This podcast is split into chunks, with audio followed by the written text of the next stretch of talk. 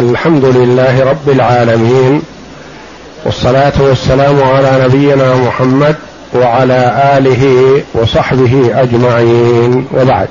بسم الله. بسم الله الرحمن الرحيم. الحمد لله والصلاة والسلام على رسول الله نبينا محمد وعلى آله وصحبه أجمعين. قال المؤلف رحمه الله غزوة فتح مكة. غزوة فتح مكة. الفتح العظيم الذي أعز الله به محمدا صلى الله عليه وسلم وصحابته والمسلمين عموما. النصر المؤبد أظهر الله جل وعلا أولياءه وخذل أعداءه. هيأ الله جل وعلا أسباب الفتح بسهولة ويسر. ففتح الله جل وعلا مكة لرسوله صلى الله عليه وسلم والمؤمنين بعد أن خرج منها صلى الله عليه وسلم مستخفيا. وكانت بأيدي الكفار وبعد خروجه مستخفيا بست سنوات جاء ليعتمر فصد عن البيت ورجع من الحديبية. ولم يصل مكة صلى الله عليه وسلم فصبر. وأبرم مع كفار قريش الصلح على وضع الحرب بينه وبينهم عشر سنين. لكن الله جل وعلا عجل بالفتح. والنصر والتأييد منه سبحانه فهيا أسبابه. والا كان الاتفاق بين النبي صلى الله عليه وسلم وبين كفار قريش في صلح الحديبية ناب عن كفار قريش سهيل بن عمرو. فابرموا الصلح على أن تضع الحرب أوزارها بينهم عشر سنين. وذلك في السنة السادسة من الهجرة في آخرها. وفي السنة الثامنة تم الفتح بإذن الله تبارك وتعالى.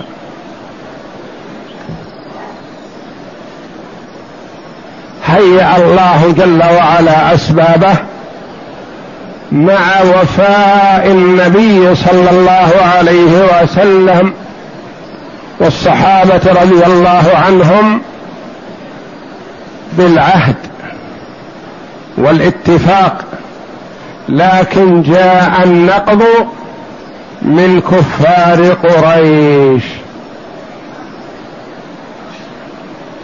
فنقضوا العهد الذي بينهم وبين النبي صلى الله عليه وسلم فتجهز النبي صلى الله عليه وسلم ومعه عشرة آلاف مقاتل رضي الله عنهم وأرضاهم وفتح الله جل وعلا لهم مكة بدون قتال.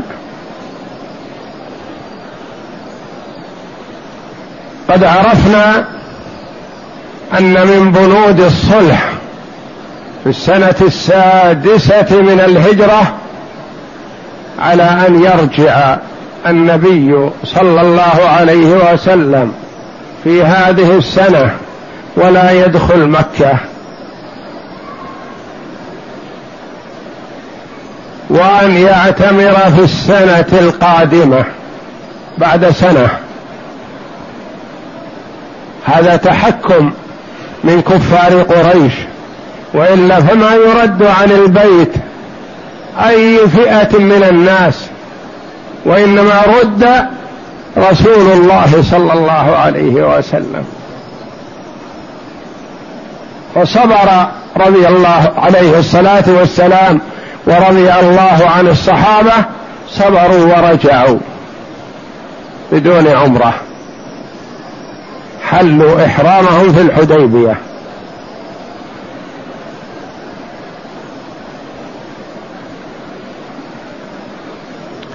من بنود الصلح أن من أراد من قبائل العرب أن يدخل في عهد محمد صلى الله عليه وسلم وعقده دخل ومن أراد أن يدخل في عهد قريش وعقدهم دخل.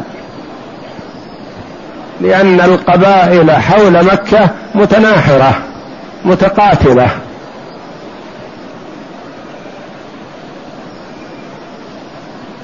فأعلنوا هذا للناس فدخلت خزاعة في عهد محمد صلى الله عليه وسلم وعقده. ودخلت بنو بكر في عهد قريش وعقدهم. وبهذا يحرم على قريش أن تعتدي على خزاعة لأنها دخلت في عهد النبي صلى الله عليه وسلم. ولا يتعرض النبي صلى الله عليه وسلم لبني بكر لأنهم دخلوا في عهد قريش. والقبائل قبائل العرب فيما بينها تتناحر. لكن لا تعين قريش على طائفة دخلت في عهد النبي صلى الله عليه وسلم. القبيلتان خزاعة وبنو بكر بينهم حروب طاحنة. لها قدم. وقتل هؤلاء من هؤلاء وهؤلاء من هؤلاء. ومستمرة الحروب بينهم.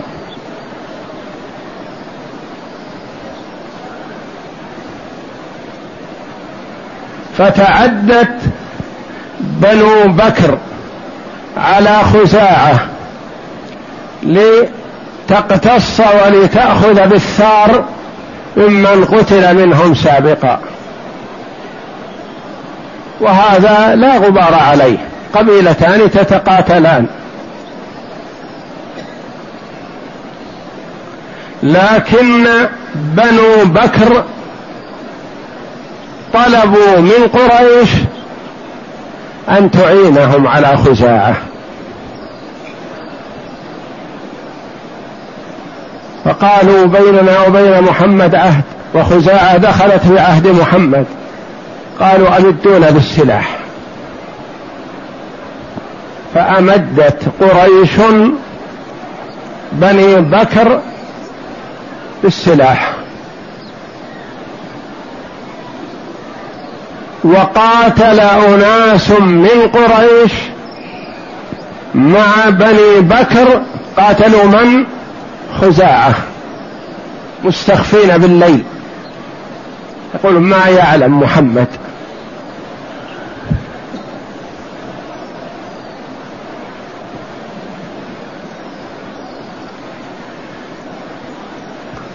فحصل نقض العهد من من؟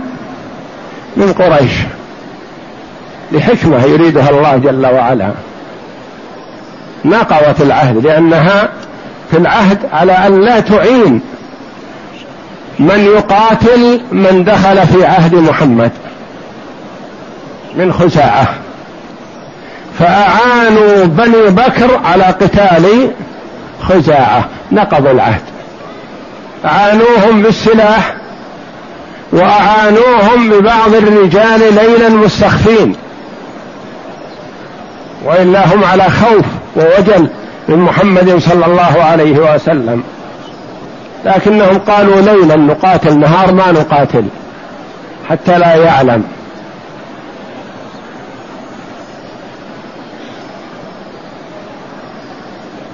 فحصل هذا فلجأت خزاعة إلى الحرم لعلها تسلم من عدوها.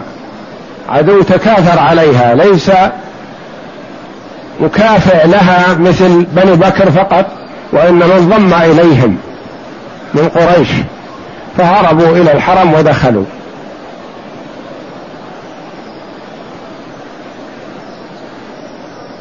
فاستمرت بنو بكر في القتال حتى وصلوا حد الحرم. فقال بعضهم لبعض تقاتلون خزاعة في الحرم إلهك إلهك.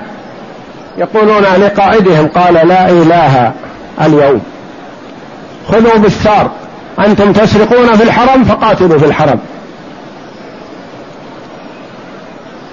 فهرب بنو خزاعة ودخلوا الحرم. وجاء شخص منهم إلى النبي صلى الله عليه وسلم يخبره بما حصل من إعانة قريش لبني بكر على خزاعة. فقال عليه الصلاة والسلام نصرت نصرت. وكان النبي صلى الله عليه وسلم قبل هذا في حدود ثلاثة أيام وقبل أن تأتي الأخبار الأرضية أمر صلى الله عليه وسلم أهله عائشة أن تجهز له جهاز الخروج. فدخل أبو بكر رضي الله عنه فرأى عائشة مهتمة تجهز للنبي صلى الله عليه وسلم فقال ما هذا يا بني؟ قالت جهاز أمرنا رسول الله صلى الله عليه وسلم أن نجهز قال إلى أين؟ قالت والله لا أدري يا أبتي.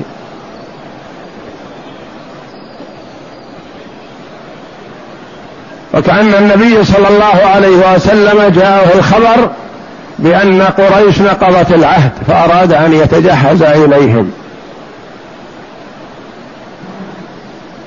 وجاء الرسول الآخر من قبل خزاعة يستفزع النبي صلى الله عليه وسلم.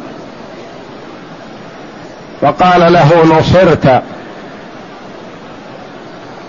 فأمر صلى الله عليه وسلم بالجهاز إلى مكة ولم يخبر اولا أول الأمر بقصده ثم أخبر بعد هذا صلى الله عليه وسلم من أجل أن يبغتهم. فقال اللهم خذ العيون والأخبار عن قريش حتى نباغتها لأنها نقضت العهد. وهو هذا ما يقص علينا المؤلف رحمه الله تعالى في هذه الغزوه العظيمة وما هيأ الله جل وعلا فيها من أسباب النصر. لرسوله صلى الله عليه وسلم والمؤمنين وهو ما قال الله جل وعلا عنه إذا جاء نصر الله والفتح ورأيت الناس يدخلون في دين الله أفواجا فسبح بحمد ربك واستغفره إنه كان توابا. فاستعد عليه الصلاة والسلام بعد هذا للرحيل إلى الرفيق الأعلى صلوات الله وسلامه عليه. أدى الرسالة ونصح الأمة وبلغ ما كلف به فلحق بربه صلى الله عليه وسلم قرير العين على الإسلام والمسلمين. نعم.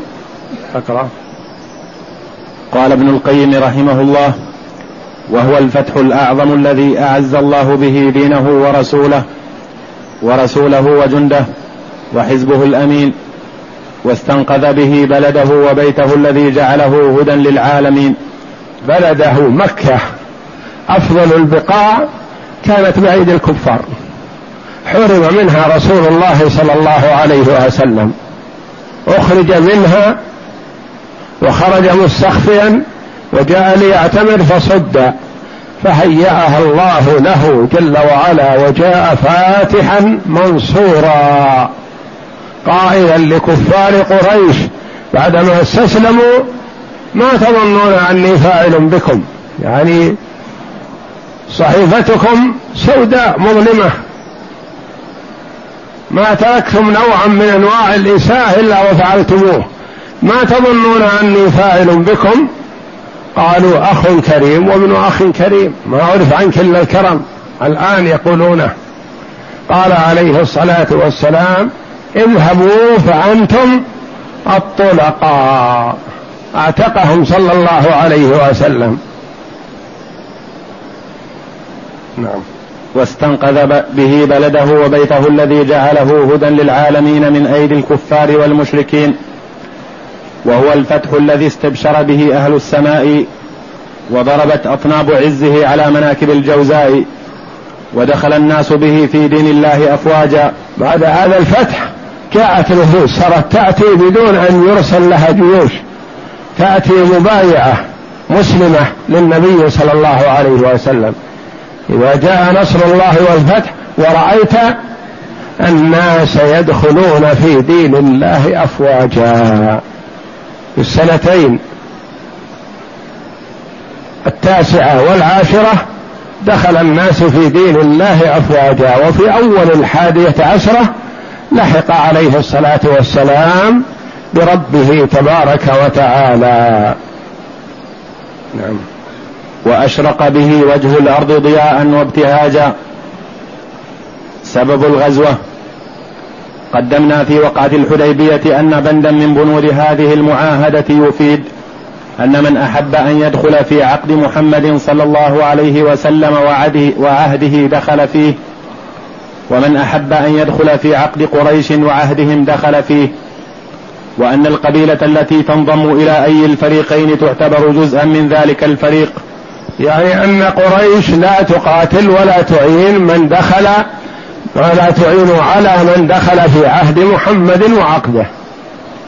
وأن محمدا صلى الله عليه وسلم لا يعين ولا يقاتل من دخل في عقد قريش وعهدها. وإلا فيما بين القبائل ما شاءت. لأن فيما بينها تتقاتل. لكن ما تعينها قريش على من دخل في عقد محمد صلى الله عليه وسلم وعهده. نعم. فأي عدوان تتعرض له؟ أي من تلك القبائل يعتبر عدوانا على ذلك الفريق؟ وحسب هذا البند دخلت خزاعة في عهد رسول الله صلى الله عليه وسلم ودخلت بنو بكر في عهد قريش.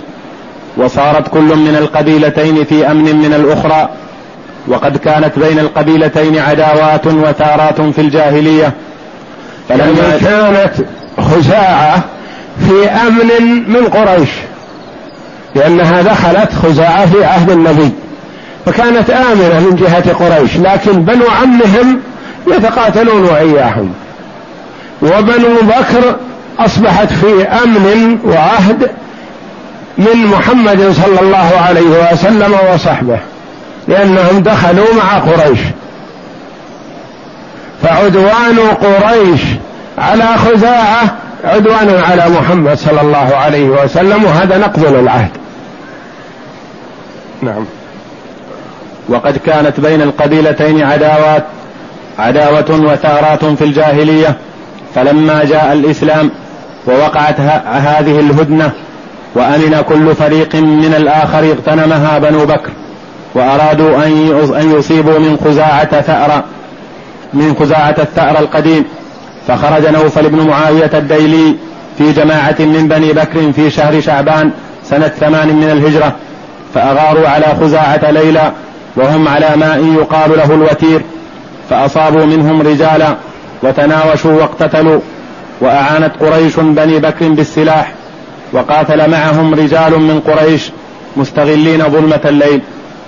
حتى حازوا خزاعة إلى الحرم فلما انتهوا إليه قالت بنو بكر يا نوفل إنا قد دخلنا الحرم إلى قالت بنو بكر وهم يقاتلون خزاعة يقول لقائدهم قف قف عن القتال دخل الحرم. ما يسوغ لنا؟ لأنهم كانوا يعظمون الحرم. فيقولون لقائدهم بنو بكر تقول لقائدها وصلنا الحرم خلاص نقف. قال لا. نعم. يا نوفل إنا قد دخلنا الحرم إلهك إلهك. فقال كلمة عظيمة لا إله اليوم يا بني بكر. أصيبوا ثأركم. فلعمري إنكم لتسرقون في الحرم. أفلا تصيبون ثأركم فيه؟ يقول اقضوا على خزاعة ما دام أنكم انتصرتم عليهم ومعكم السلاح من قريش ومعكم بعض الرجال من قريش خذوا ثأركم. ولا تتوقفوا عن القتال في الحرم لأنكم تسرقون في الحرم. بيدنكم السرقة في الحرم فالقتل مثله. نعم. ولما دخلت خزاعة مكة لجأوا إلى دار بديل بن ورقاء الخزاعي. بديل بن ورقاء هذا مقيم في مكة منهم من خزاعة. نعم. وإلى دار مولى لهم يقال له رافع. وأسرع يعني التجأوا إليه مع حماية لهم عن بني بكر ومن أعانهم من قريش. وأسرع عمرو بن سالم الخزاعي فخرج. وين يسرع يستنجد بالنبي صلى الله عليه وسلم يشرح له الأمر. وأسرع.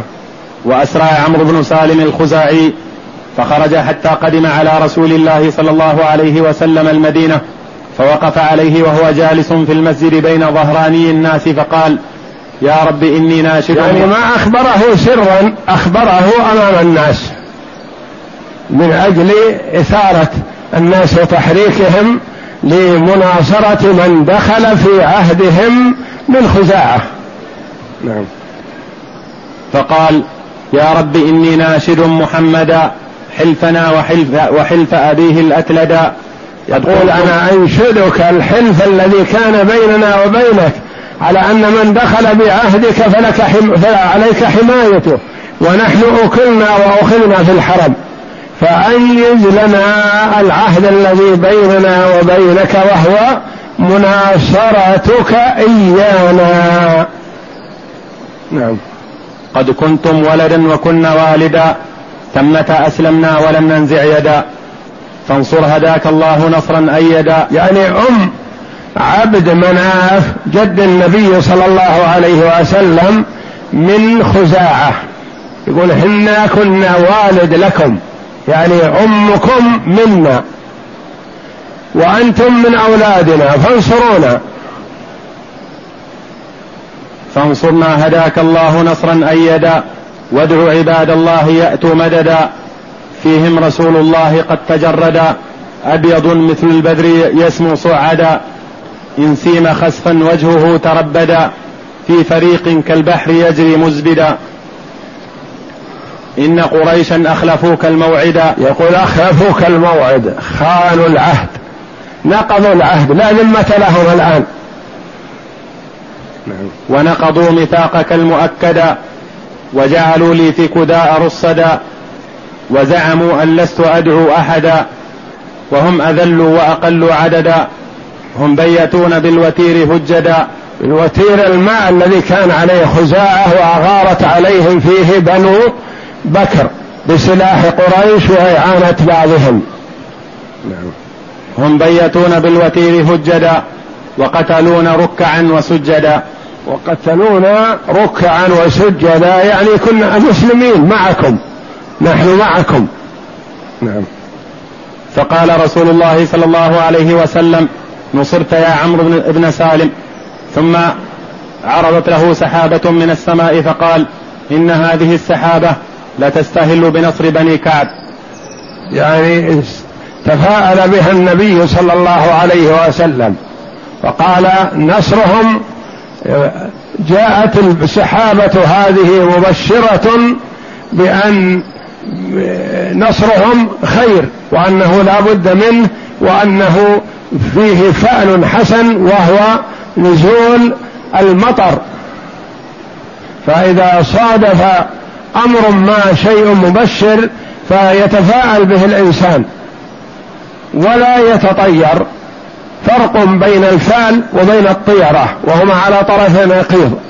فالنبي صلى الله عليه وسلم يحب الفال ويكره الطيرة. الطيرة التشاؤم والفال الاستبشار بما يسمع الإنسان من كلام حسن. وقد تفاءل النبي صلى الله عليه وسلم بصلح الحديبية لما أقبل سهيل بن عمرو لأن قريش أرسلت رسل كثر لتبرم اتفاق مع النبي صلى الله عليه وسلم على أن يرجع. هذه السنة ولا يعتمر. أرسلوا من غيرهم وأرسلوا منهم وأرسلوا من ثقيف ومن أناس كثير.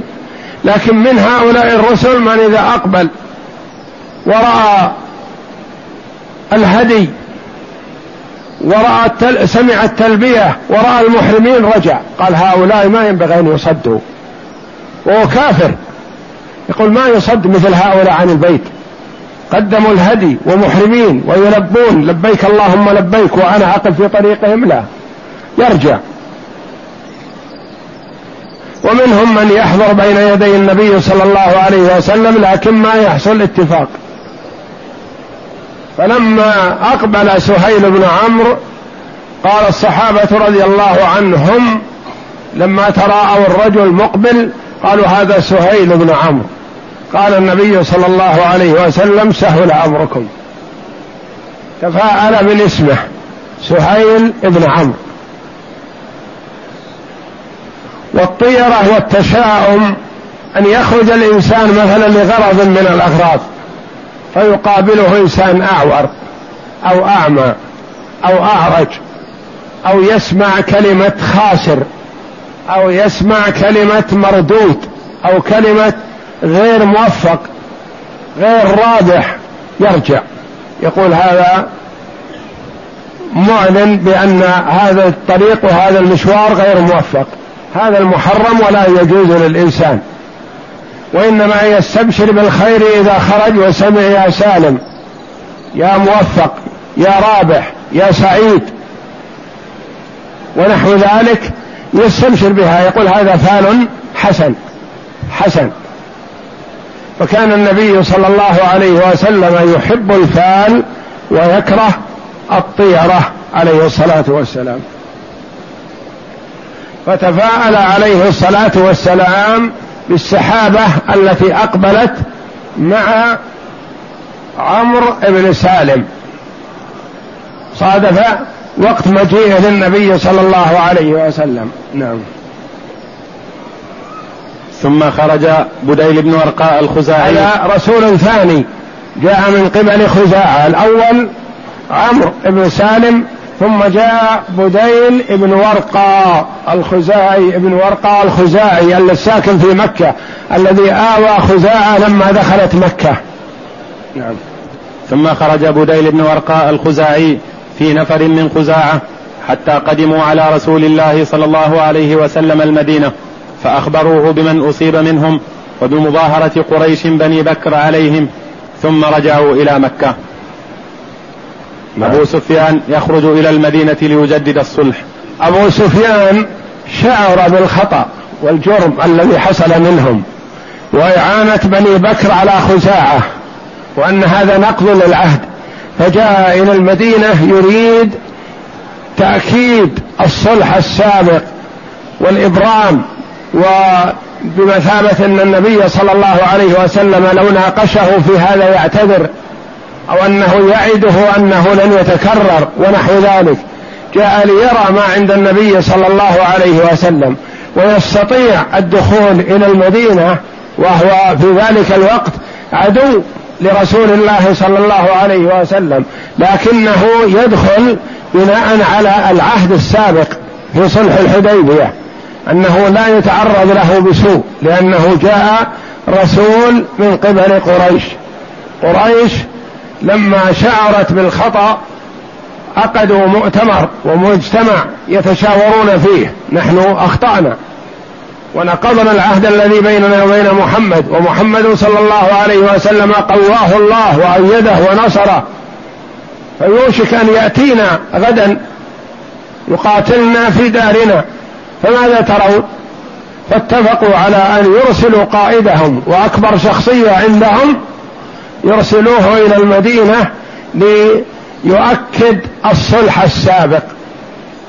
وكأنه أراد أن يعتذر إن نوقش لكن ما حصل نقاش ابدا.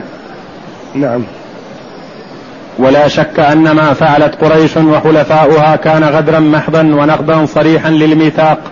لم يكن له أي مبرر.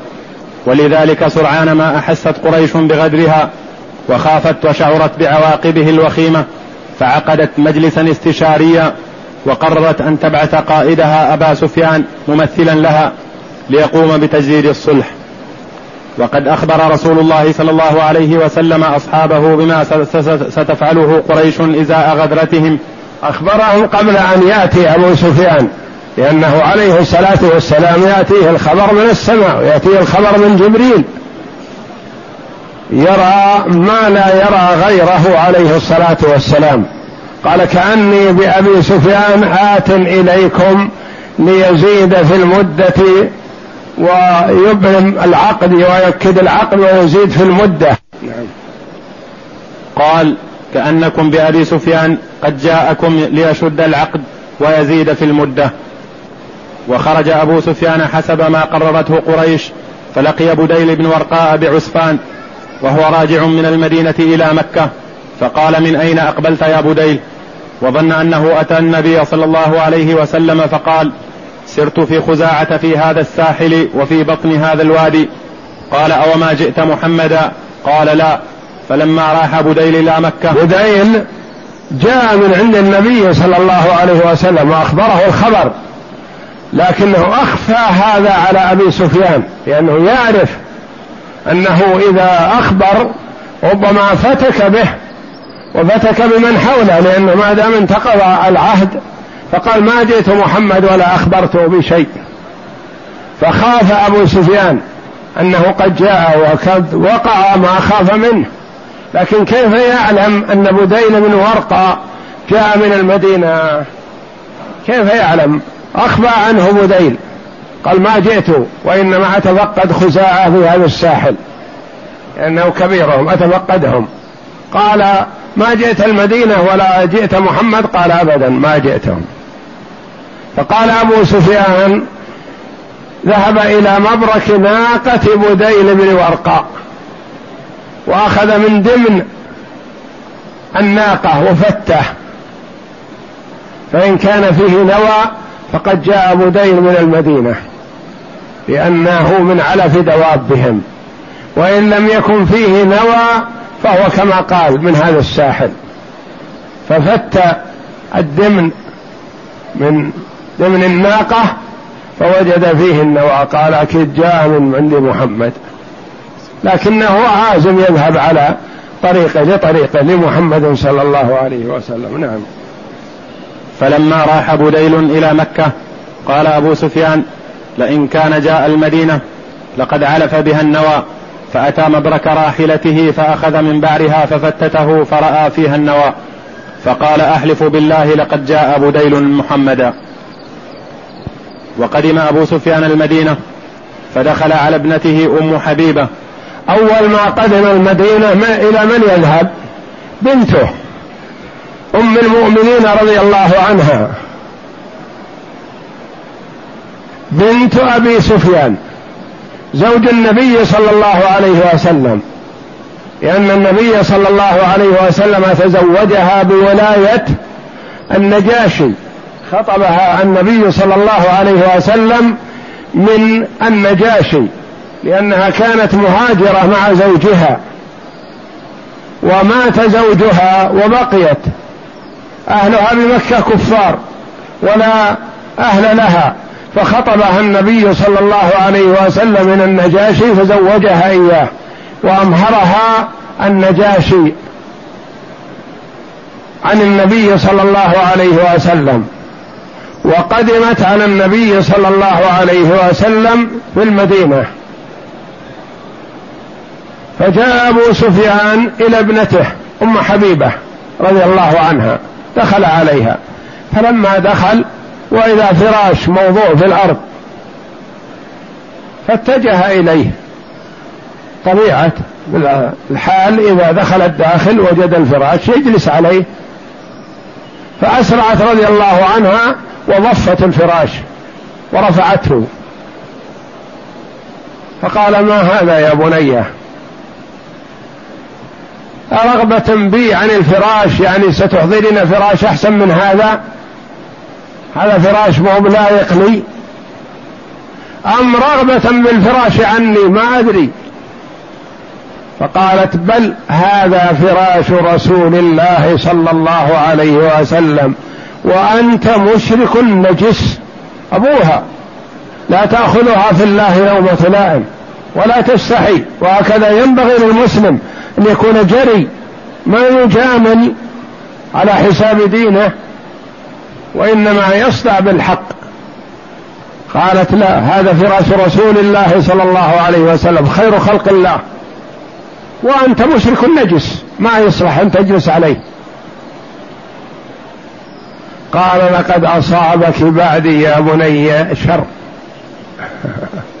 تغيرت حالس وفعلا تغيرت. أم المؤمنين رضي الله عنها مسلمة.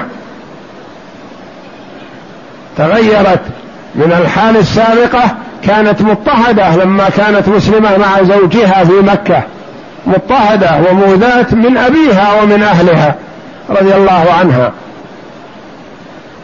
فهاجرت إلى الحبشة وتوفي زوجها وتزوجها النبي صلى الله عليه وسلم وجاءت أم المؤمنين رضي الله عنها. جبر الله خاطرها وأكرمها بأن جعلها أما للمؤمنين بدل ما كانت تسمى أم حبيبة صارت أم المؤمنين عموما رضي الله عنها وأرضاها. نعم. فدخل على ابنته أم حبيبة فلما ذهب ليجلس على فراش رسول الله صلى الله عليه وسلم طوته عنه فقال يا بني أرغبت بي عن هذا الفراش؟ أم رغبت به عني؟ فقالت بل هو فراش رسول الله صلى الله عليه وسلم وأنت رجل مشرك نجس. فقال والله لقد أصابك بعدي شر. ما أصابها شر وإنما أصابها الخير رضي الله عنها. نعم. ثم خرج حتى أتى رسول الله صلى الله عليه وسلم فكلمه فلم يرد عليه شيئا ثم ذهب إلى ما رد عليه النبي صلى الله عليه وسلم لأنه ما يفيد اللوم أو نقضتم العهد أو فعلتم أو قلتم ما يفيد. ترك ولم يجبه بشيء. ولأنه كافر ما يرد عليه السلام. فما أجابه بشيء. ويحب أن يكون أن لا يعطيه إشعار بأنه سيحاربه. سكت وتركه عليه الصلاة والسلام وما أجابه بشيء. جاء من مكة إلى المدينة ليكلم النبي صلى الله عليه وسلم فرأى عليه الصلاة والسلام من الحكمة ألا يرد عليه. نعم. ثم ذهب إلى أبي بكر فكلمه أن يكلم رسول الله صلى الله عليه وسلم فقال ما أنا بفاعل. يعرف أن أبا بكر رضي الله عنه من ألطف الأمة ومن خيرها ومن أفضلها وعنده المرونة واللطافة والسماحة والكرم رضي الله عنه وأرضاه فقصده قال لعله يشفع لي عند رسول الله صلى الله عليه وسلم. فكلم أبا بكر في أن يكلم النبي صلى الله عليه وسلم.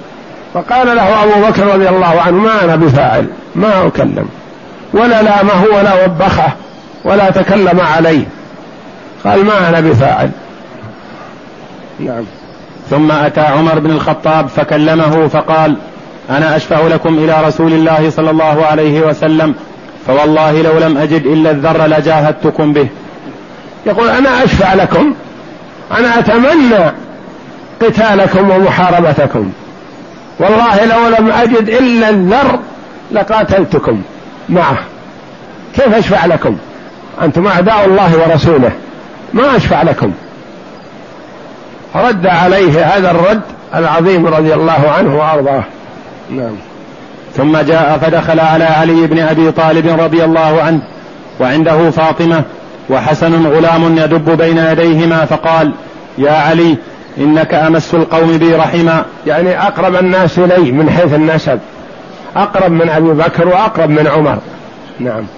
وإني قد جئت في حاجة فلا أرجعن كما جئت خائبا. اشفع لي إلى محمد. فقال ويحك يا أبا سفيان لقد عزم رسول الله صلى الله عليه وسلم على أمر ما نستطيع أن نكلمه فيه. فالتفت إلى فاطمة فقال هل لك أن تأمر ابنك هذا؟ فيجير كما فيجير على الناس.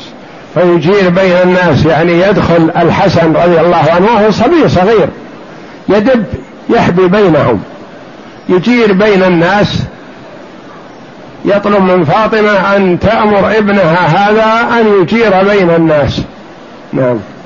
فقال هل لك أن تأمر ابنك هذا فيجير بين الناس فيكون سيد العرب إلى إلى آخر هذا الدهر؟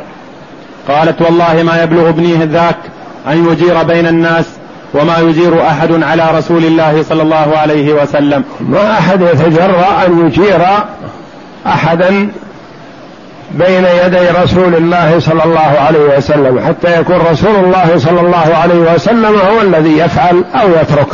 نعم. وحينئذ أظلمت الدنيا أمام عيني أبي سفيان. لأنه زعيم وكبير قوم. وما وجد من يساعده فيما جاء إليه. ماذا يفعل؟ يرجع. خائب خاسر. نعم. فقال لعلي بن أبي طالب في هلع وانزعاج ويأس وقنوط يا أبا الحسن إني أرى الأمور قد اشتدت علي فانصحني. دلني على شيء يبين وجهي أو أرجع إلى قريش أقول لهم فعلت كذا أو قلت كذا. ما ما عملت شيء. نعم. قال والله ما أعلم لك شيئا يغني عنك ولكنك سيد بني كنانة. مدح قال سيد قومك أنت أنت كبير. فكما كما قالت قريش رضي الله عنه ما زاد ان ضحك عليك. استهزأ به. نعم. فقم فأجر بين الناس ثم ثم الحق بأرضك. يقول ما بقي عليك إلا أن تدخل أمام الناس تقول إني أجرت بين الناس حتى لا يحارب أحد أحد وتركب راحلتك وتذهب إلى قومك. قال أو ترى ذلك مغنيا عني شيئا؟ قال لا والله ما أظنه ولكني أخبره بالحقيقة. قال ما أرى أنه ينفعك لكن هذا الذي يمكن أن تقوله. قال لا والله ما أظنه ولكني لم أجد لك غير ذلك. فقام أبو سفيان في المسجد فقال أيها الناس إني قد أجرت بين الناس ثم ركب بعيره وانطلق. ولما قدم على قريش قالوا ما وراءك؟ قالوا جئت محمدا فكلمته. محمدا فكلمته فوالله ما رد علي شيئا. ثم جئت ابن أبي قحافة فلم أجد قحافة يعني أبا بكر الصديق رضي الله عنه وأرضاه. نعم. فلم أجد فيه خيرا. ثم ما نفعني بشيء. ثم جئت عمر بن الخطاب فوجدته أدنى العدو. يعني أعدى العدو. أشد الناس عداوة. نعم. ثم جئت عليا فوجدته ألين القوم. قد أشار إلي بشيء صنعته. فوالله ما أدري هل يغني عني شيئا أم لا. قالوا وبما أمرك؟ قال أمرني أن أجير بين الناس ففعلت. قالوا فهل أجاز ذلك محمدا؟ إذا كان أجاز محمد هذا فلا بأس فنفع. لكن إذا ما أجازه ما ينفع. نعم. قال لا. قالوا ويلك إن زاد الرجل على أن لعب بك. غرك يعني ما أعطاك شيء ينفعك وإنما بمثابة أنه سخر بك. نعم. قال لا والله ما وجدت غير ذلك. وسيأتي إن شاء الله التجهز. إلى مكة في الدرس القادم إن شاء الله. قال المؤلف رحمه الله تعالى التهيؤ للغزوة ومحاولة الإخفاء. التهيؤ للغزو. للغزوة ومحاولة الإخفاء. لما علم النبي صلى الله عليه وسلم بنقض المشركين للعهد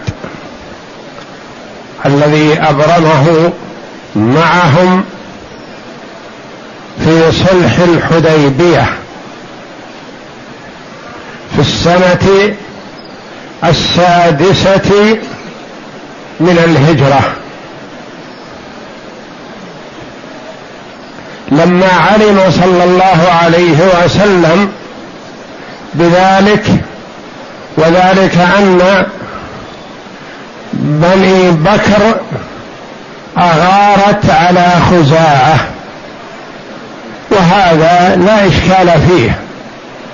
بين القبائل فيما بينهم يغير بعضهم على بعض. هذه طريقة العرب قبل الإسلام.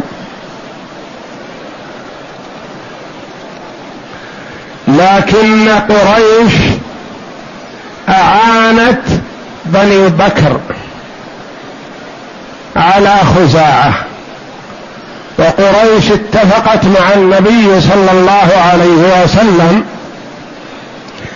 على أن من أراد من العرب أن يدخل في عقد محمد وعهده وصلحه دخل.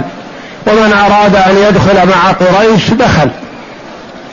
فيكون محميا بحماية العهد الذي بين قريش ومحمد صلى الله عليه وسلم.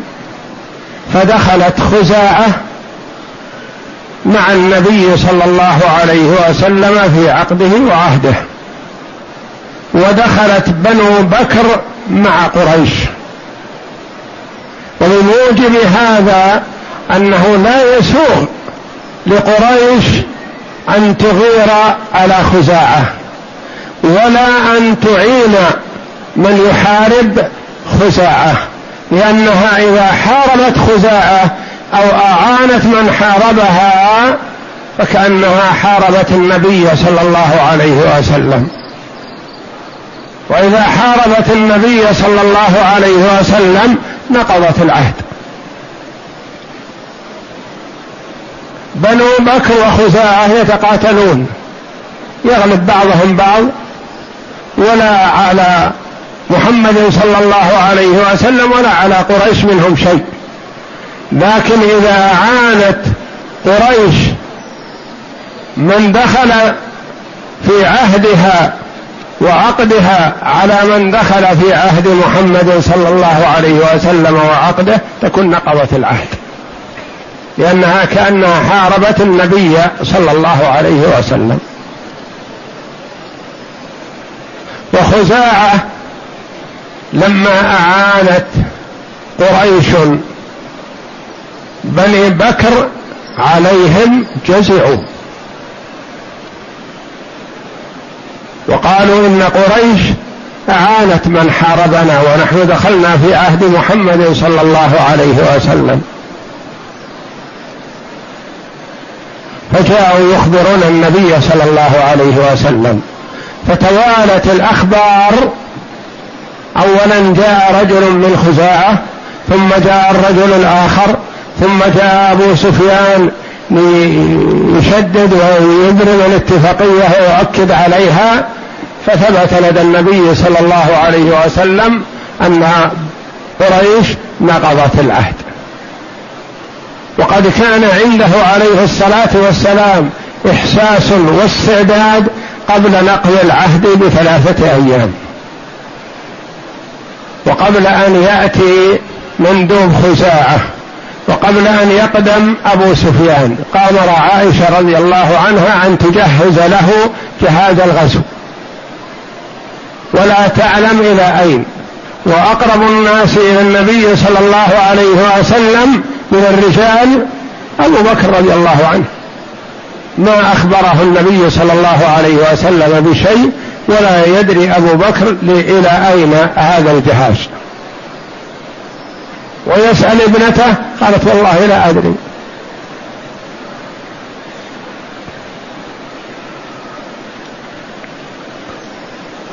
ثم لما تأكد النبي صلى الله عليه وسلم من نقض قريش العهد أخبر الناس بأنه متوجه إلى مكة.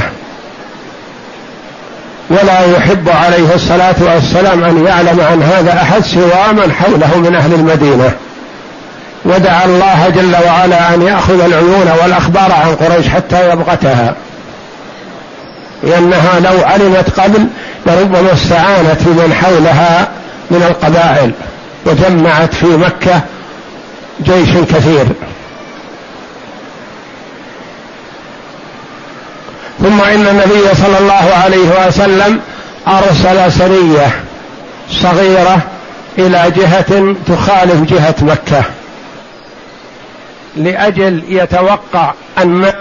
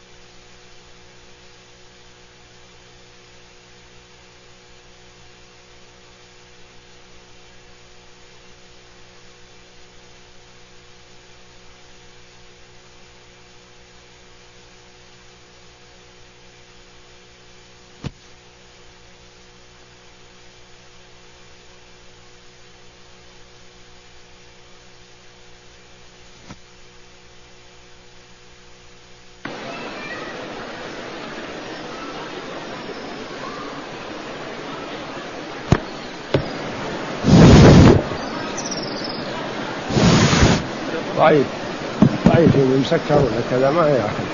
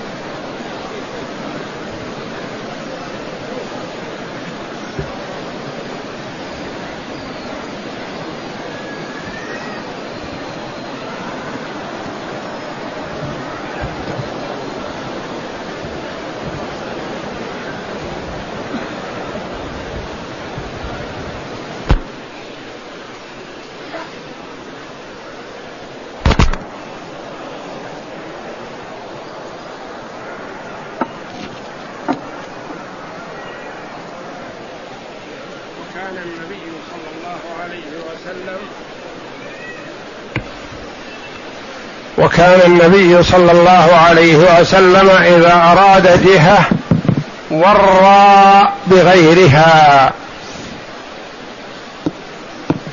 فأرسل سرية صغيرة بقياده أبي قتادة إلى جهة تخالف جهة مكة حتى يتوقع الناس أن النبي صلى الله عليه وسلم إذا أراد أن يتجهز يتوجه إلى تلك الجهة.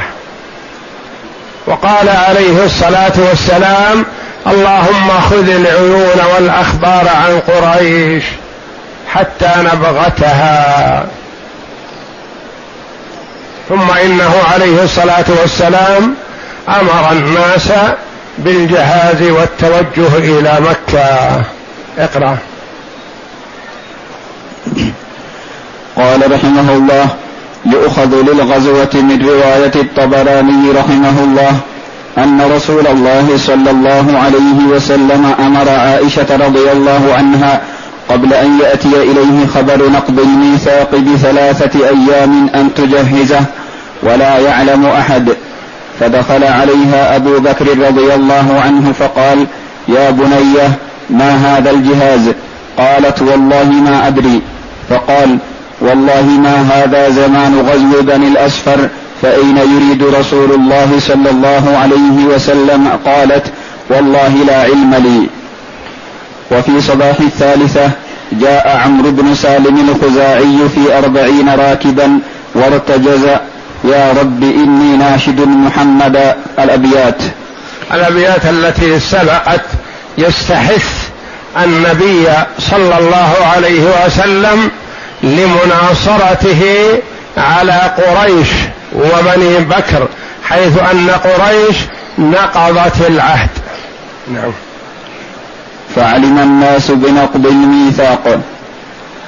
وبعد عمر جاء بديل ثم أبو سفيان وتأكد عند الناس الخبر فأمرهم رسول الله صلى الله عليه وسلم بالجهاز. وأعلمهم أنه سائر إلى مكة. ليستعدوا لها. تحتاج إلى استعداد لأنه سيواجه عدوا شرس وقوي وحوله أعوان كثر. فأمر الصحابة رضي الله عنهم بالاستعداد وجلى لهم الخبر. حتى لا يظنوا أنه متوجه إلى قبيلة صغيرة من قبائل العرب أنه متوجه إلى مكة. نعم. وقال صلى الله عليه وسلم اللهم خذ العيون والأخبار عن قريش حتى نبغتها في بلادها. وزيادة في الإخفاء والتعمية بعث رسول الله صلى الله عليه وسلم سرية قوامها ثمانية رجال تحت تحت قيادة أبي تحت قيادة أبي قتادة بن ربعي إلى بطن أضم فيما بين ذي خشب وذي المروة على ثلاثة برد من المدينة في أول شهر رمضان سنة ثمانية هجرية ليظن الظان أنه صلى الله عليه وسلم يتوجه إلى تلك الناحية ولتذهب بذلك الأخبار وواصلت هذه السرية سيرها حتى إذا وصلت حيثما أمرت بلغها أن رسول الله صلى الله عليه وسلم خرج إلى مكة فسارت إليه حتى لحقته صلى الله عليه وسلم. وفي هذه السرية الصغيرة مر عليهم عامر بن الأضبط فسلم عليهم بتحية الإسلام. قائلا السلام عليكم. وهذا إشعار بأنه منهم وأنه مسلم وأنه ليس بعدو. فقتله محلم ابن جثامة لشيء كان بينهما وأخذ بعيره سلبه. قتله وأخذ بعيره وهذا في جيش السرية سرية النبي صلى الله عليه وسلم. وعامر التقوا به في الطريق. فأنزل الله جل وعلا ولا تقولوا لمن ألقى إليكم السلام لست مؤمنا الآية. وجاءوا بمحلم ليستغفر له النبي صلى الله عليه وسلم. فلما قام بين يديه قال اللهم لا تغفر لمحلم. وقالها ثلاثا. دعا له بعدم المغفرة لأنه ليس عن جهل وإنما قتله تعمدا وقد سمعه يسلم. ومن سلم فلا يجوز التعرض له بسوء. فدعا عليه النبي صلى الله عليه وسلم فقام وإنه لا يستلقي لا يس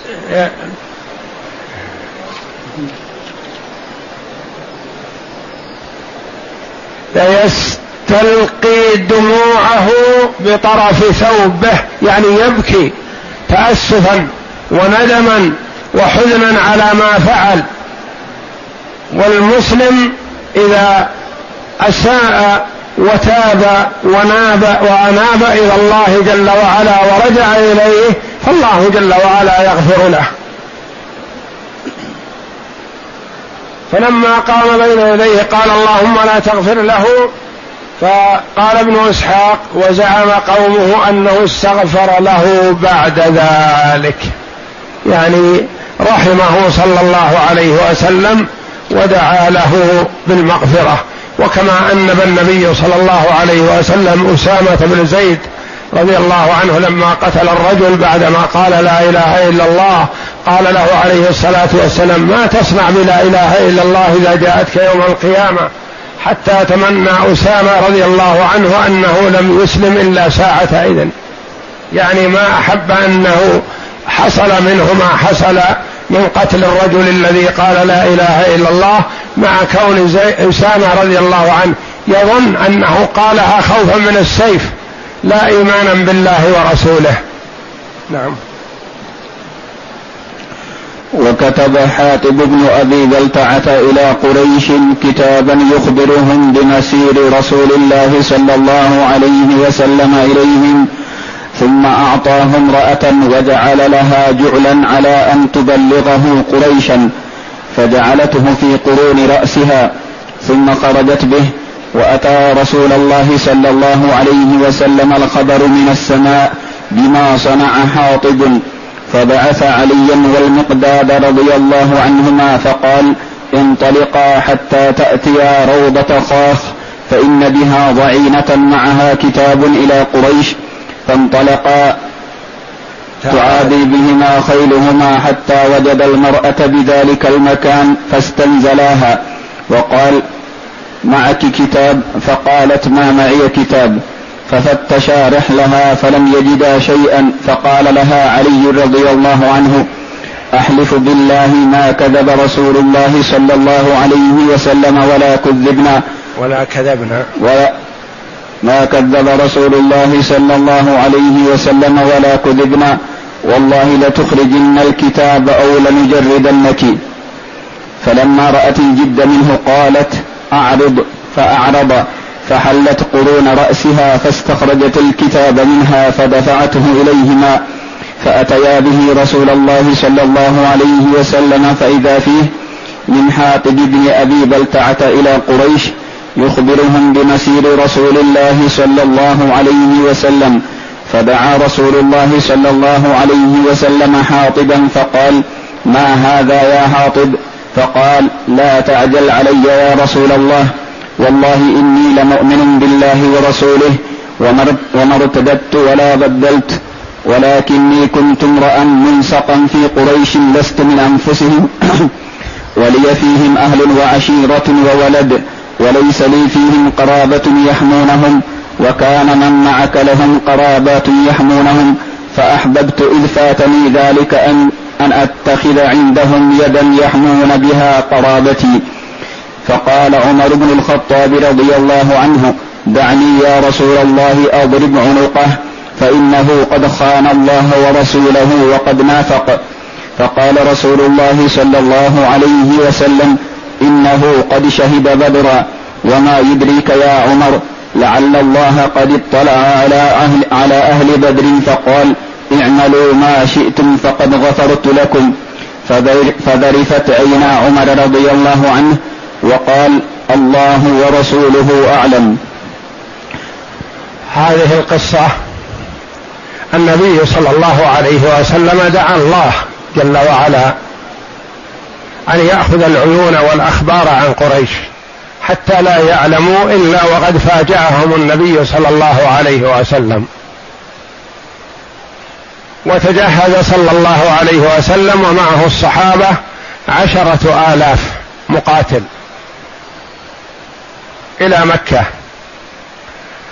حاطب بن أبي بلتعة رضي الله عنه كتب كتابا إلى قريش من حاطب ابن أبي بلتعه إلى قريش يخبرهم بمسير رسول الله صلى الله عليه وسلم إليهم.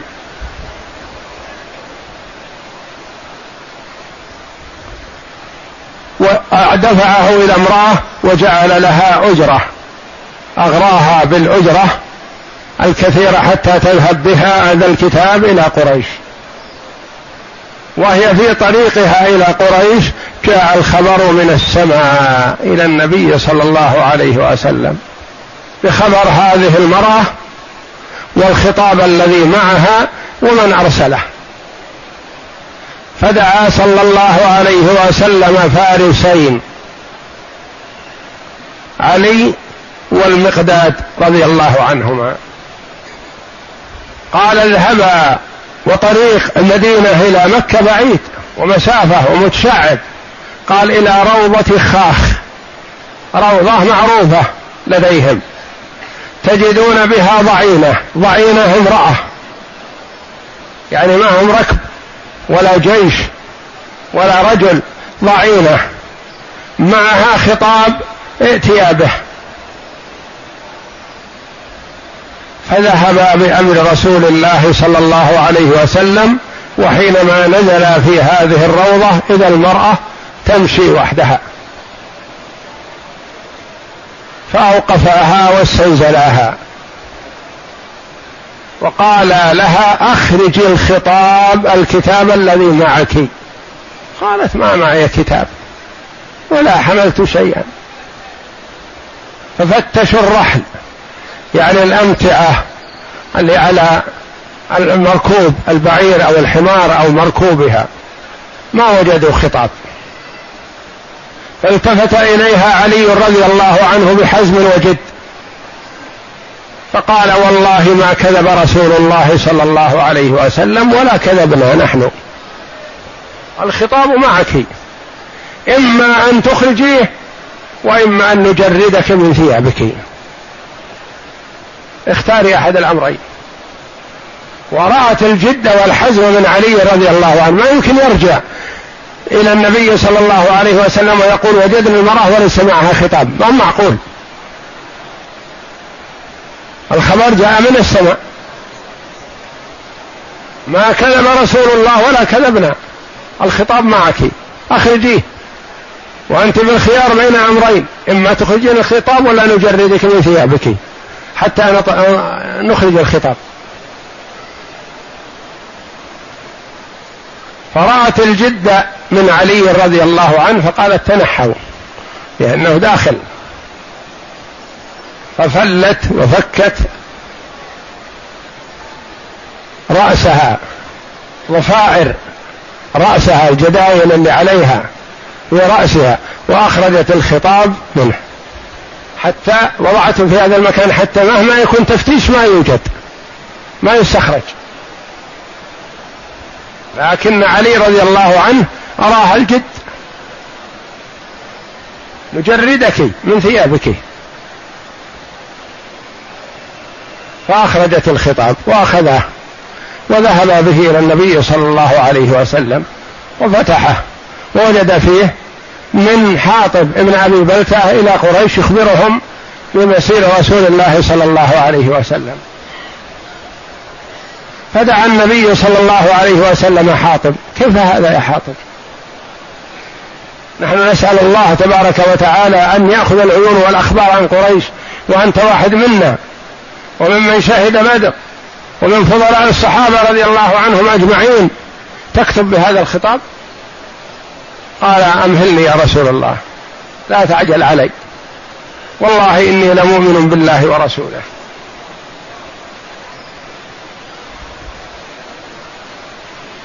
وما راجعت ولا نافقت. ولكن الأمر كذا وكذا يا رسول الله. هذا السبب. أني أنا لي أهل وولد في مكة وليس لهم من يحميهم لأني لست من قريش. وصحابتك وأهل مكة الذين معك الآن لهم في مكة هذا ابن عمه وهذا ابن اخيه وهذا جده وهذا خاله وهذا كذا قرابة بعضهم مع بعض وأنا ما لي أحد. فأخشى أن يؤذوا أهلي فأنا قلت أضع يد عندهم وأنا عارف أن الله ناصر رسوله صلى الله عليه وسلم. عمر رضي الله عنه المعروف بقوته وصرامته وشدته في الحق ما سلك طريقا إلا سلك الشيطان طريقا غير طريق عمر. ما يمشي مع عمر في الطريق رضي الله عنه لصلابته وقوته. شعر سيفه لكنه ما يتقدم ولا يقدم ولا يؤخر حتى يستأذن النبي صلى الله عليه وسلم. قال يا رسول الله دعني أضرب عنقه فقد نافق. انه يتأدب به الآخرون. هو حصل منه النفاق خيانة لله ورسوله. لكن لأجل أن يتدب يتأدب الآخرون نعطي درس للأمة من أولها إلى آخرها أن من خان الله ورسوله بهذا الشكل ما له إلا السيف. فقال النبي صلى الله عليه وسلم برفق ولين مهلا يا عمر. إنه شهد بدر. هذه شهادة تزكية عظيمة. شهادة بدر ليست من السهولة بمكان. وفوق هذا كله وما يدريك يا عمر لعل الله اطلع على أهل بدر. فقال اعملوا ما شئتم فقد غفرت لكم. يعني أي ساعة تحصل منكم فهي مغفورة. لأن المرء إذا هيأ الله له من الحسنات الشيء العظيم فإن الله جل وعلا يتجاوز عن سيئاته في جانب كثرة حسناته وعظمها. ولهذا قد يقدم الاثنان على الله جل وعلا يوم القيامة يستويان في كبيرة من كبائر الذنوب. أحدهما يغفر الله جل وعلا له من أول وهله ويدخله الجنة. والآخر لا يغفر له ويعذبه في النار ثم يخرجه إلى الجنة فيما بعد. ومن أسباب ذلك أن الأول قد يكون له حسنات كثيرة له مجهود له أعمال جليلة له نفع للإسلام والمسلمين له مواقف مشرفة يحفظها الله جل وعلا له. تنفعه فالمرء إذا كان له سابقة حسنة يعفى عن بعض زلاته.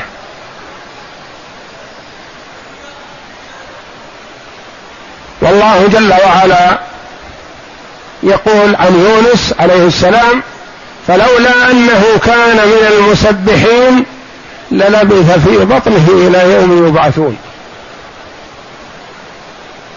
لما التقمه الحوت ودعا ربه في بطن الحوت استجاب الله جل وعلا له بسبب أعماله الصالحة في الرخاء كثرة عمله الصالح.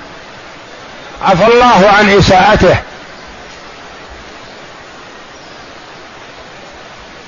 وهكذا العبد المسلم يحصل له أن يجتهد في أن يكون له رصيد عند ربه تبارك وتعالى من الأعمال الصالحة. تنجيه في المهالك بإذن الله. تعرف إلي في الرخاء أعرفك في الشدة. فإذا تعرف العبد على ربه في الرخاء وأكثر الدعاء والإلحاح والأعمال الصالحة إذا وقع في شدة وكرب الله جل وعلا ينجيه من هذا بعمله الصالح السابق. فعفى النبي صلى الله عليه وسلم عن حاطب رضي الله عنه مع عظم هذه الإساءة. هذه ليست سهلة. لكن لسابقته في الإسلام رضي الله عنه ولحضوره غزوة بدر نال هذا الحق بالعفو والتسامح عنه من النبي صلى الله عليه وسلم. والنبي صلى الله عليه وسلم لا يعفو عن أحد إلا وقد عفى الله جل وعلا عنه.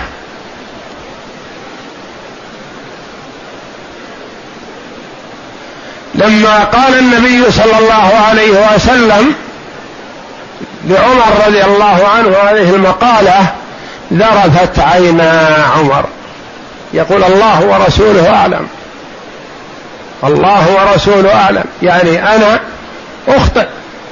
ورجع باللوم والخطأ على نفسه وقال الله ورسوله أعلم. والنبي صلى الله عليه وسلم ما يحصل منه الخطأ لأنه معصوم. وهكذا كان عمر رضي الله عنه مع قوته وصلابته وشدته رجاع سريع الرجوع إلى الحق حينما يسمعه من النبي صلى الله عليه وسلم أو من غيره. كان وقافا رضي الله عنه. لما جاءه الرجل وتهجم عليه وتكلم عليه محضر من الصحابة رضي الله عنهم غضب على هذا الرجل. فأراد أن ينتقم منه. فقال آخرج حاضر في المجلس. يا أمير المؤمنين إن الله جل وعلا يقول خذ العفو وأمر بالعرف وأعرض عن الجاهلين. وهذا جاهل يا أمير المؤمنين فوقف رضي الله عنه. ولم يتخذ نحوه أي شيء امتثالا لقول الله جل وعلا خذ العفو وأمر بالعرف. هذا جاهل. لولا أنه جاهل ما تكلم بهذا الكلام السيء. فسكت رضي الله عنه وذهب غضبه. وهكذا ينبغي للمسلم أن يكون إذا قيل له إن الله جل وعلا يقول كذا وكذا يسارع في الامتثال. أو أن النبي صلى الله عليه وسلم قال في هذه القضية كذا وكذا يقول سمعا وطاعة لله ورسوله. ولا ينفذ ما عزم عليه أو ما هم به أو ما فكر به. يرجع لقول الله جل وعلا وقول رسوله صلى الله عليه وسلم. والله جل وعلا يقول وما كان وما كان لمؤمن. إذا قضى الله ورسوله أمرا أن يكون لهم الخيرة من أمرهم يعني أنه يجب على الإنسان في قضاء الله جل وعلا أن يأخذ به ولا يلتفت يمينا ولا شمالا. ووربك لا يؤمنون حتى يحكموك فيما شجر بينهم ثم لا يجدوا في أنفسهم حرجا مما قضيت ويسلموا تسليما. نعم. وهكذا. قال وهكذا أخذ الله العيون فلم يبلغ إلى قريش أي خبر من أخبار تجهز المسلمين وتهيئتهم للزحف والقتال. نعم. الجيش الإسلامي يتحرك نحو مكة. ولعشر خلون من شهر رمضان المبارك سنة ثمان من الهجرة. كان عليه الصلاة والسلام يغزو في رمضان وفي غير رمضان ويصوم في الطريق ويفطر. يصوم أحيانا ويفطر. كان يصوم في السفر عليه الصلاة والسلام وكان إذا قرب من العدو أفطر ليتقوى وليتقوى الصحابة رضي الله عنهم بفطرهم على قتال الأعداء. نعم. ولعشر خلون من شهر رمضان المبارك سنة ثمان من الهجرة غادر رسول الله صلى الله عليه وسلم المدينة متجها إلى مكة في عشرة آلاف من الصحابة رضي الله عنهم واستخلف على المدينة أبا رهم الغفاري رضي الله عنه. ولما كان بالجحفة أو فوق ذلك لقيه عمه العباس بن عبد المطلب وكان قد خرج بأهله وعياله مسلما مهاجرا. وكان رضي الله عنه قد أسلم قبل هذا لكنه كان يخفي إسلامه رضي الله عنه. ولهذا قال النبي صلى الله عليه وسلم في غزوة بدر من لقي العباس ابن عبد المطلب فلا يقتله نهى عن قتل العباس رضي الله عنه لأنه يعلم عنه صلى الله عليه وسلم. وأسر مع الأسرى وأخذ منه النبي صلى الله عليه وسلم الفداء له ولابن أخي عقيل ابن أبي طالب. عقيل بن أبي طالب كان خرج مع الكفار كذلك مع كفار قريش في موقعة بدر وأسر نعم.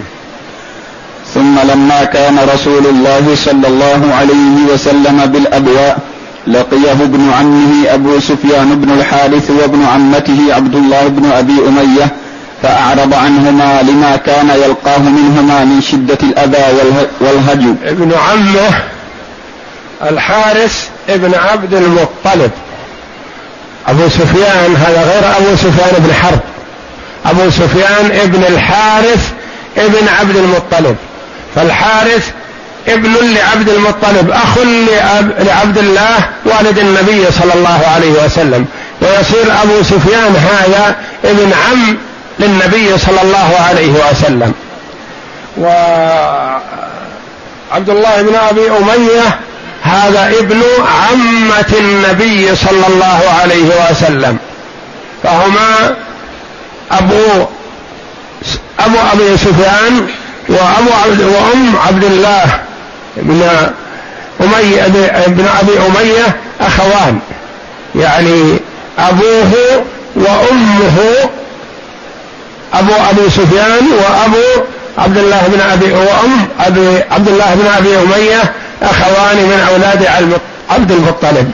فهما خرجا معا مهاجرين مسلمين لكن لسابقتهما السيئة أعرض عنهما النبي صلى الله عليه وسلم. فكان شديد العداوة. للنبي صلى الله عليه وسلم والأذى وكان يقول عن الشعر في هجاء النبي صلى الله عليه وسلم وسبه ولهذا لما أتياه أعرض عنهما عليه الصلاة والسلام تأديبا لهما. فجاءته أم سلمة رضي الله عنها فقالت يا رسول الله لا يكون أشقى الناس بك ابن عمك وابن عمتك. تجاوز عنهم تجاوز الله عنك. فقبلهما عليه الصلاة والسلام. نعم. فقالت له أم سلمة رضي الله عنها لا يكن ابن عمك وابن عمتك أشقى الناس بك. وقال علي لأبي سفيان بن الحارث ائت رسول الله صلى الله عليه وسلم من من قبل وجهه فقل له هل ابن عم لعلي رضي الله عنه. أبو سفيان بن الحارث الحارث أخو آه، أبي طالب. نعم. فقل نعم. وقال علي. وقال علي رضي الله عنه لأبي سفيان بن الحارث ائت رسول الله صلى الله عليه وسلم من قبل وجهه فقل له ما قال إخوة يوسف ليوسف عليه السلام. قالوا تالله لقد آثرك الله علينا وإن كنا لخاطئين فإنه لا يرضى أن يكون أحد أحسن منه قولا. يعني ما يحب أن يسبقه يوسف في العفو يحب أن يكون له السبق عليه الصلاة والسلام. فذكره بما قال إخوة يوسف ليوسف وما أجاب به يوسف عليه السلام لهم. قل له ذلك فدله على المدخل الذي يدخل منه على رضا النبي صلى الله عليه وسلم. نعم. ففعل ذلك أبو سفيان فقال له رسول الله صلى الله عليه وسلم لا تثريب عليكم اليوم يغفر الله لكم وهو أرحم الراحمين. فأنشده أبو سفيان أبياتا منها لعمرك إني حين أحمل راية لتغلب خيل اللات خيل محمد. خيل خيل. لتغلب خيل اللات خيل محمد. لك المدنج الحيران أظلم ليله فهذا أواني حين أهدي فأهتدي. هداني هاد هداني هاد غير نفسي ودلني على الله من طردته كل مطرد. من طردته يعني الرسول. وضرب رسول الله صلى الله عليه وسلم صدره وقال أنت طردتني كل مطرد أو مطرد. نعم. الجيش الإسلامي ينزل بمر الظهران. وواصل رسول الله صلى الله عليه وسلم سيره وهو صائم والناس صيام حتى بلغ الكديد كديد حتى بلغ الكديد حتى بلغ الكديد وهو ماء بين عسفان وقديد. فأفطر وأفطر الناس معه ثم واصل سيره حتى نزل بمهر الظهران. بمر بمر الظهران. حتى نزل بمر الظهران وادي فاطمة نزله عشاء فأمر الجيش فأوقدوا النيران فأوقدت عشرة آلاف نار. وجعل رسول الله صلى الله عليه وسلم على الحرس عمر بن الخطاب رضي الله عنه. أوقد النيران حتى إن رآها أحد من قريش يكون فيهم الرعب والخوف يخافون ما هذه النيران؟ وفعلا كان أبو سفيان خارج يتحرى ويتخوف فرأى النيران العظيمة فاهتال لها.